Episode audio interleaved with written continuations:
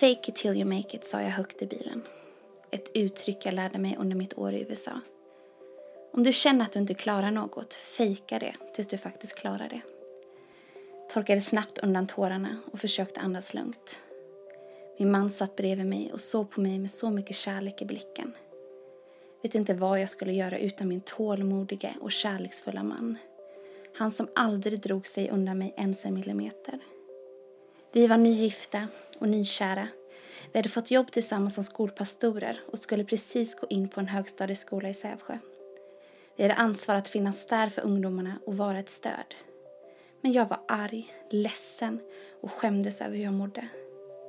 Jag borde inte få jobba med människor när jag brottas med dessa känslor, tänkte jag. Jag hade alltid haft enkelt att be om förlåtelse och att förlåta. Men jag hade öppnat en liten del av hjärtat för oförlåtelse och nu tog det bara mer och mer plats.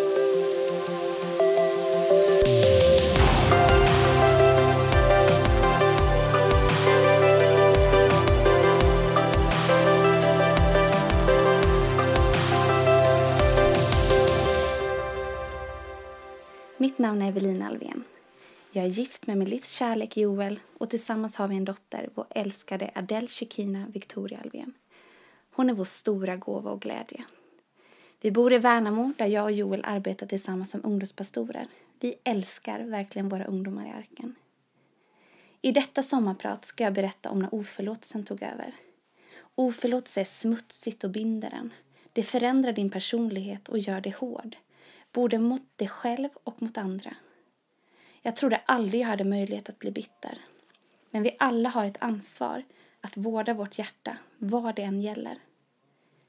Jag vet att vi alla har olika liv, vill inte jämföra mig med någon och jag har full förståelse och respekt att många gått igenom mycket värre saker. Men detta är mitt tal om hur jag blev fri från oförlåtelse och bitterhet. Det är alltid läskigt att dela av sitt hjärta, men om jag kan hjälpa någon så är det värt allt. När jag mådde som sämst så valde jag att knappt berätta det för någon. Psykisk ohälsa är så vanligt och min bön är med detta enkla sommarprat att du ska veta att du inte är ensam och att det finns en utväg. Jag är uppvuxen i enligt mig världens bästa familj med tre bröder som lärt mig få mycket skinn på näsan. Min mamma har alltid sagt att killars sätt att visa kärlek är att retas. Ja, i så fall är jag väldigt älskad. Skämt åsido, jag har världens bästa bröder som alla är mina förebilder, alltid varit mina beskyddare och bästa vänner. Mina föräldrar är mina stora hjältar i livet. Jag är lika mycket mammas flicka som pappas. Många säger att jag är en kopia av min mamma.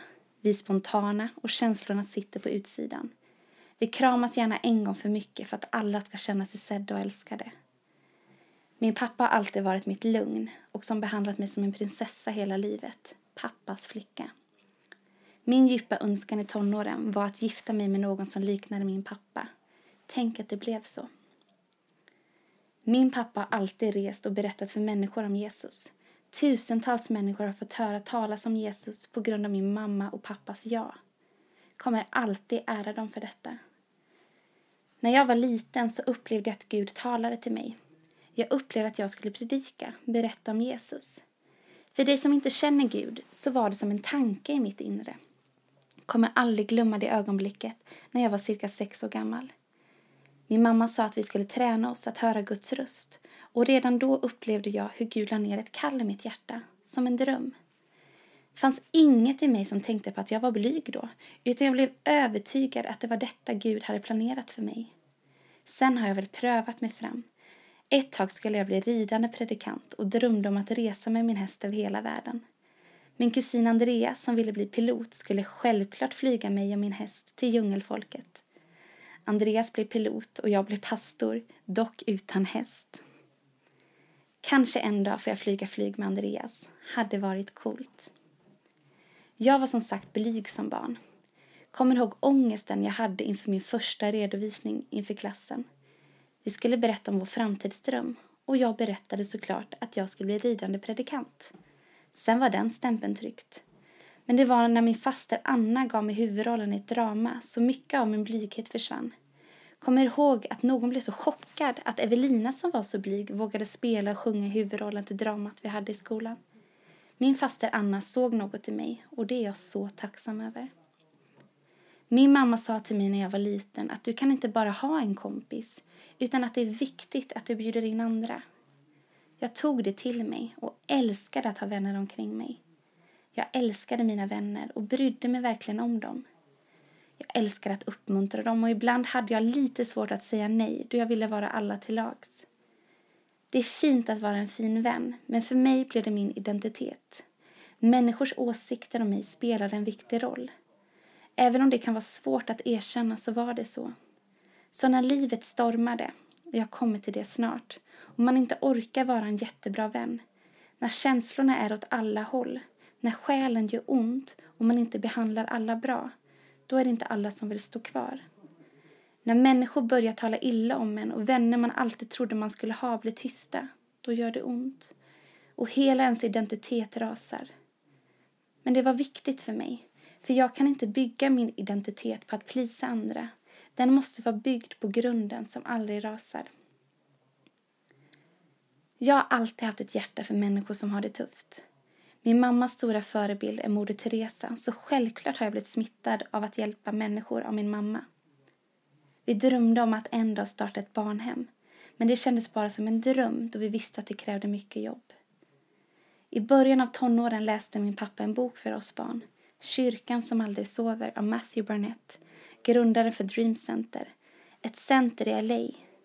Boken handlar om detta center och kyrka som hade öppet dygnet runt. Boken berättar om hemlösa som fått ett hem, missbrukare som fått hjälp. Ja, den berättar om alla möjliga människor som blivit hjälpta. Jag kommer ihåg hur jag grät efter pappa läste denna bok. Det var något med det sociala arbetet som berörde mig djupt. Jag skrev i min dagbok något liknande. Gud snälla ta mig till Dream Center en dag. Några år senare var jag på den platsen och fick mitt hjärta krossat av detta arbete. Innan jag kom till LA och Dream Center så fick min familj höra talas om barnsexslaveriet i Nepal. Min pappa, som först fick höra talas om detta när han var ute och predikade, ringde hem till oss en dag och grät. Han berättade om denna problematik i Nepal och kände en sådan nöd. Vi bestämde oss för att hjälpa, men det lilla vi kunde, men vi ville verkligen hjälpa. Nepal blev vårt andra hem och människorna där blev vår familj fanns inget land i världen jag älskade mer än Nepal. Dess vackra natur som omger huvudstaden, människorna som är så vänliga och öppna. Men mest av alla dessa saker så var det några som tog våra hjärtan mest. Flickorna på hemmen vi startade tillsammans med en samarbetsorganisation på plats. Jag kommer ihåg speciellt ett minne när jag och min bror skulle välkomna nya flickor till ett hem. Vi var vid busshållplatsen där vi skulle välkomna dem. De hade åkt en lång väg med bussen från deras hemby. När de steg av bussen så var det tomma blickar vi mötte, smutsiga kläder och tovigt hår. Men mitt hjärta fylldes av en sådan kärlek till dem. Vad hade de varit med om? Många flickor som vi hjälpte tog vi ut i förebyggande syfte då de var i en riskgrupp grupp att bli sexuellt utnyttjade och några hade redan utsatts för detta mörker i unga år. Jag älskade dessa tjejer som bodde på hemmen som mina systrar. Vi började fira våra jular nere i Asien, mina föräldrar, bröder och min älskade svägerska Malin. Vi sprang på shoppingcenter i Nepal och köpte hundratals dockor och nollar. Man kände sig som värsta jultomten. Mina föräldrar lyckades lura ner två av mina bröder som inte alls ville veta av detta arbete i början. Men när de kom till Nepal och fick möta dessa flickor så blev de helt förkrossade och hela deras värld förändrades. Idag jobbar alla mina bröder med detta arbete, Love and Hope, och jag beundrar dem för deras hjärta och drivkraft. Man gav mycket när man var nere, men man fick dubbelt tillbaka. Jag är så tacksam för detta land och dessa flickor. Redan som 17-åring blev jag kallad för mamma av en yngre flicka. Jag satt med dem när de berättade sina berättelser. Jag dansade deras danser, även om jag känner mig oerhört stel i jämförelse med dem. De har verkligen dansen i blodet. Jag bodde en tid med dem på ett hem där jag lärde mig att tvätta kläder för hand. De lärde mig att fläta på ett speciellt sätt. De berättade om deras drömmar. Vi läste läxor ihop. Vi grät ihop och bad tillsammans när livet slog hårt. Jag drömde att en dag få ta med min blivande man till dem så även han skulle älska detta land som tagit mitt hjärta. Jag lovade dem att den dagen jag skulle gifta mig så skulle det vara med en man som älskade Nepal. Hela vår familj tog detta land till vårt hjärta. Det var inget välgörenhetsprojekt för oss. Det var vår familj. Vi pratade om Nepal jämt och ständigt. Detta insåg vi sen att vi inte kunde göra då vi ibland bara började vila från jobbet, även om det för oss inte kändes som något jobb. Kan inte nämna alla detaljer här då det skulle ta för lång tid. Men en dag hör vi om att något inte helt stämmer med vår samarbetspartner på plats i Nepal. Detta ledde till mycket samtal, men när vi sedan hör hur denna ledare från Nepal varit på tjejerna sexuellt inser vi att vi måste bryta samarbetet med denna organisation. Detta kan vi verkligen inte stå bakom. Detta landade inte i god jord hos denna ledare så en tid efteråt inleds en häxjakt mot min familj och vår organisation. Journalister i Sverige kontaktas av denna Nepal portugisiska ledare och det blir stora löpsedlar på några av Sveriges största tidningar. Det spreds även massor lögner om oss på sociala medier. Min familj som hängs ut för sjuka saker försöker förklara för tidningarna att detta inte är sant. Men en story är många gånger viktigare än sanningen för journalister. Även om vi inte gjort allt rätt så har vi aldrig medvetet velat göra något fel. Vårt motiv i allt har alltid varit att kämpa för vår nästa och älska vår medmänniska med Guds kärlek. Så när tidningarna började skriva massor lögner om oss som var helt motsatsen till dem vi var så gick vi sönder. Den vecka det skrevs mest var min bröllopsvecka. Jag skulle få gifta mig med min dröm, med den mest kärleksfulla mannen jag någonsin träffat, min Joel. Jag kom ihåg att jag var den lyckligaste på jorden den veckan men brottades samtidigt med en sådan sorg och ilska mot dessa journalister och mot denna man i Nepal som orsakat allt. Efter mitt bröllop frågade en av dessa journalister hur dagen hade varit. Allt bara kändes rent av elakt. De ville förstöra för oss. Även om andra familjemedlemmar fick ta slagen utåt sett i media så gjorde detta illa hela familjen. I efterhand så tackar jag Gud att vårt bröllop var just den veckan. Det var Guds beskydd i allt. För vårt bröllop blev verkligen glädjens dag för hela familjen. Och vi lät inte journalisterna vinna.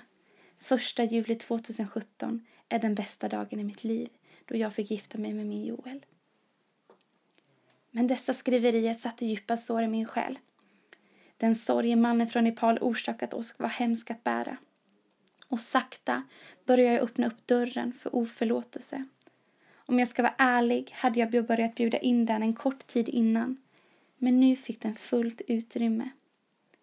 Jag hatade dessa journalister. Jag hatade mannen i Nepal. Inte bara dem. Gamla ska saker skavde i mig och jag hatade människor från det förflutna som gjort mig illa. Jag släppte in så mycket ilska mot andra människor som inte behandlat mig bra i olika sammanhang. Som jag skrev innan hade jag alltid haft många vänner och människor omkring mig som älskat mig. Men när jag inte orkade vara en bra vän så kände jag mig väldigt ensam. Och jag blev arg på dessa människor som bara älskat mig när jag mådde bra. Detta var inte sanning, men det var så det kändes. Jag hade fantastiska människor runt omkring mig som älskade mig mina bästa vänner idag stod vid min sida under denna tid, uttryckte sin kärlek till mig, samt många i min hemförsamling i Sävsjö. De hade vår rygg i allt detta. Jag älskar dem och pastorerna P.O. och Lenore som är som min extra familj. Sen vet jag att många andra stod med oss och det är jag så tacksam över. Men visst var det många som blev tysta. Jag förstår dem på ett annat sätt idag. Det är inte lätt vad man ska göra i olika situationer. Men jag släppte in så mycket ilska och hat. Vissa människor försökte fixa mig men var inte beredda att gå med mig i sorgen. Detta gjorde ondast. Och idag tror jag att många av dessa människor menade väl. Men detta har gett mig en djupare förståelse för andra människor som går igenom svåra saker. Ibland är det enda som behövs en axel att gråta mot. Jag visste att man skulle förlåta. Jag visste att det stod i Bibeln. Jag visste att det var det som var rätt att göra. Men själen behövde inte rätta ord. Den behövde känna sig älskad även när man betedde sig illa. Det står i Bibeln att Jesus älskade oss medan vi fortfarande var syndare. Ändå har vi människor så svårt att göra just det. Vi vill gärna fixa varandra först innan vi kan älska. Men den kärleken visade Gud mig. Även när jag vägrade att förlåta så älskade Gud mig i smutsen. Jag kommer ihåg att jag hörde hur det surrades om oss även i kristna sammanhang. Människor visste inte vad de skulle tro och jag hatade dem för det. Kommer aldrig glömma hur en pastor för en stor kristen konferens öppet för alla sa att han stöttade familjen Alvén. Det rörde mitt hjärta och det kommer jag aldrig glömma. Tack. Men själen gjorde ont, så ont. Jag var den lyckligaste människan i världen som nygift och nykär. Men bland dessa härliga dagar fanns det dagar då jag bara ville ligga under täcket och dessa dagar blev fler. I samma veva flyttade jag hemifrån och flyttade tillbaka till staden jag var uppvuxen i, fyra timmar ifrån min familj. Jag behövde dem. Jag behövde vara med människor som gick igenom samma sak. Jag och Joel åkte upp nästan varje helg till mina föräldrar i början. Igen, finns ingen som min man i hela världen. Han såg mig gråta. Han lät mig bli arg. Även arg på honom för fåniga saker nu i efterhand. Han kramade mig när panikångesten satte fart. Han var där. Han älskade mig genom allt. Ibland kunde jag bli så arg att jag kastade glas i diskon. Visste inte var jag skulle ta vägen. Nu låter det som att detta var hela tiden. Det var det inte. Jag var glad emellan också. Jag jobbade som skolpassor tillsammans med min man. Ibland kände jag mig inte värdig den uppgiften, men jag var så beroende av Gud. Jag bad om förlåtelse gång på gång till Gud över mitt agerande, även till människor. Men sen föll jag igen i samma gamla tankemönster. Jag behövde rycka upp roten, men orkade inte. Under tiden fick vi se Gud verka i människors liv. När jag kände mig som svagast fick han utrymme att vara vår styrka. Jag blev många gånger den hösten väldigt yr. Kommer ihåg ett tillfälle då jag och Joel var och spelade tennis. Yrseln satte bara fart och vi fick avbryta. Hela kroppen kändes så svag, ständigt trött. Sökte hjälp hos läkaren, men ingen kunde förstå vad det var. Grät efter ett besök hos en läkare. Han sa att jag behövde äta mer kött. Även om det låter komiskt idag så gjorde det så ont. Jag visste att jag åt bra och tog hand om mig, men varför hittade ingen vad det egentligen handlade om? Ville bara få hjälp. Jag blev tipsad av min svägerska Julia om en kristen läkare. Hon var fantastisk. Hon gjorde massor prover och ville verkligen förstå vad det var som inte stämde. Alla prover visade bra, men hon förstod sen att jag egentligen behövde prata med någon. Denna läkare var kristen och hon såg att det var själen som mådde dåligt. I Ordspråksboken, en bok i Bibeln, står det Sinnesro ger kroppen liv. Jag hade inte sinnesro. Min själ gjorde ont, därför reagerade min kropp. Ande, kropp och själ, allt hör ihop och det är viktigt att vi tar hand om alla delar.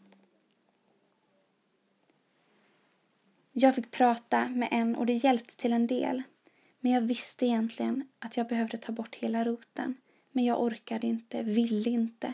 Jag ville hata, för de förtjänade det. En dag när jag var själv hemma så ringer ett nummer från Nepal till mig. Jag svarar och fryser till is då jag hör att det är mannen från Nepal som gjort oss så illa. Hello sister Evelyn, säger han. Jag får panik och klickar han på en gång. Tårarna strömmar ner och jag känner fruktan fylla mig. Vet inte varför han ringde, men vet att han inte hade något gott motiv. Jag och Joel åkte på en fantastisk smekmånad där vi verkligen njöt. Vi kände i våra hjärtan där att vi skulle söka in till en bibelskola i Afrika direkt efteråt. Våra pengar hade vi dock lagt på vår smekmånad, men vi valde att ta ett steg i tro på ett mirakulöst sätt tog vi oss till Afrika och jag kan inte tacka nog för alla som hjälpte oss dit. I Afrika så vet jag att det är mycket jag måste ta tag i. Jag ville inte vara densamme när jag kom hem igen, Samtidigt visste jag inte hur jag skulle ha styrkan att förlåta. Vi kom till en plats med en otroligt stark närvaro av Gud. Om du inte upplevt detta så är det som att man får en stor, stor kram från Gud.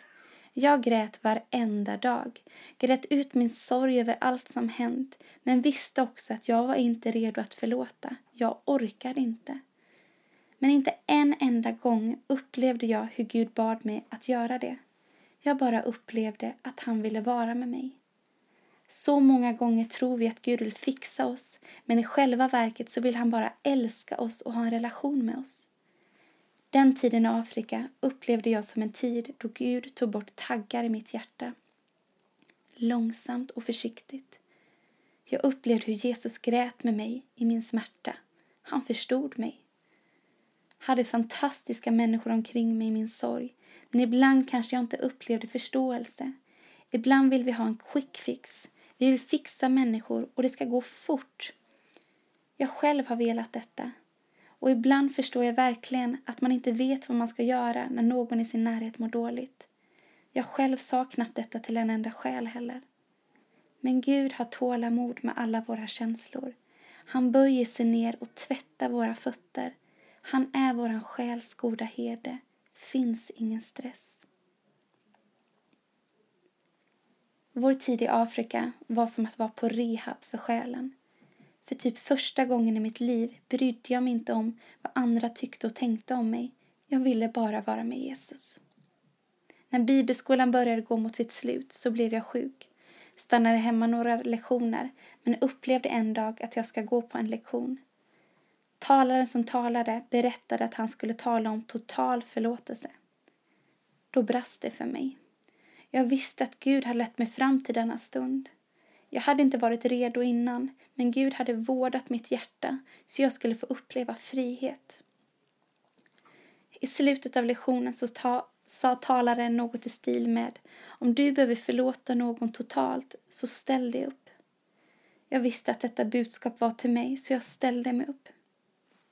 Brydde mig inte om vad någon skulle tycka. Detta var en stund mellan mig och Gud. Tårarna strömmade ner och jag gjorde ingenting för att stoppa dem. I den stunden tog jag ett beslut att förlåta alla journalister, mannen i Pal och även andra människor som sårat mig. En kväll efteråt så var det ett kvällsmöte och jag kom ihåg att vi sjöng lovsången I'm no longer a slave to fear. Ni som kan den sången vet att det inte är en danssång, men jag började dansa. Jag kände mig så fri. Jesus hade satt mig fri från all oförlåtelse. Han hade helat min trasiga själ och hela mitt inre jublade.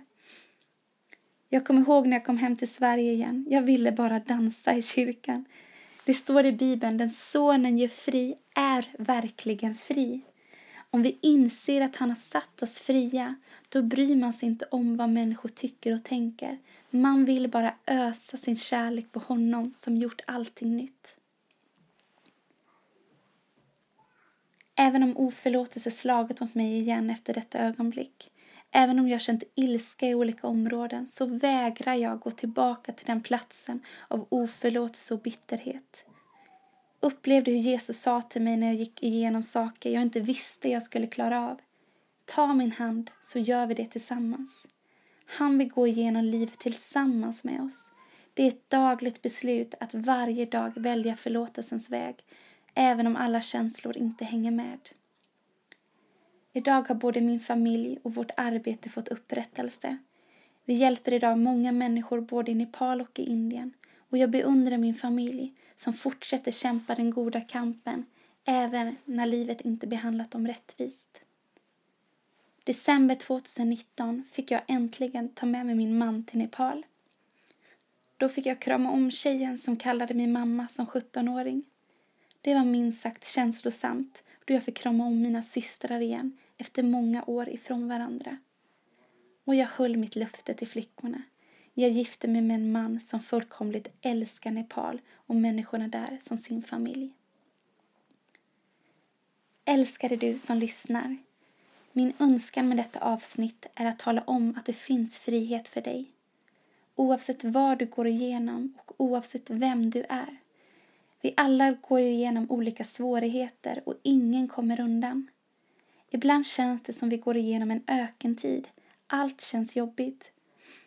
I Bibeln står det, därför ska jag locka henne bort och föra henne ut i öknen för att tala till hennes hjärta. Hosea 2 och 14. Vår ökentid kan ibland bli den vackraste tiden då Gud får tala till våra hjärtan, då han får omsluta vår själ. Oavsett vad du går igenom så vill Gud vara nära dig. Ingenting kan skilja oss från hans kärlek. Tveka inte att höra av dig om du behöver samtal, bön eller om du kanske vill lära känna Jesus. Han älskar dig. Och du, även om jag sa till mig själv, fake it till you make it, så behöver du inte fejka något för Gud. Han vill ha våra ärliga hjärtan. Tack snälla att du har lyssnat på mig och ha nu en underbar dag.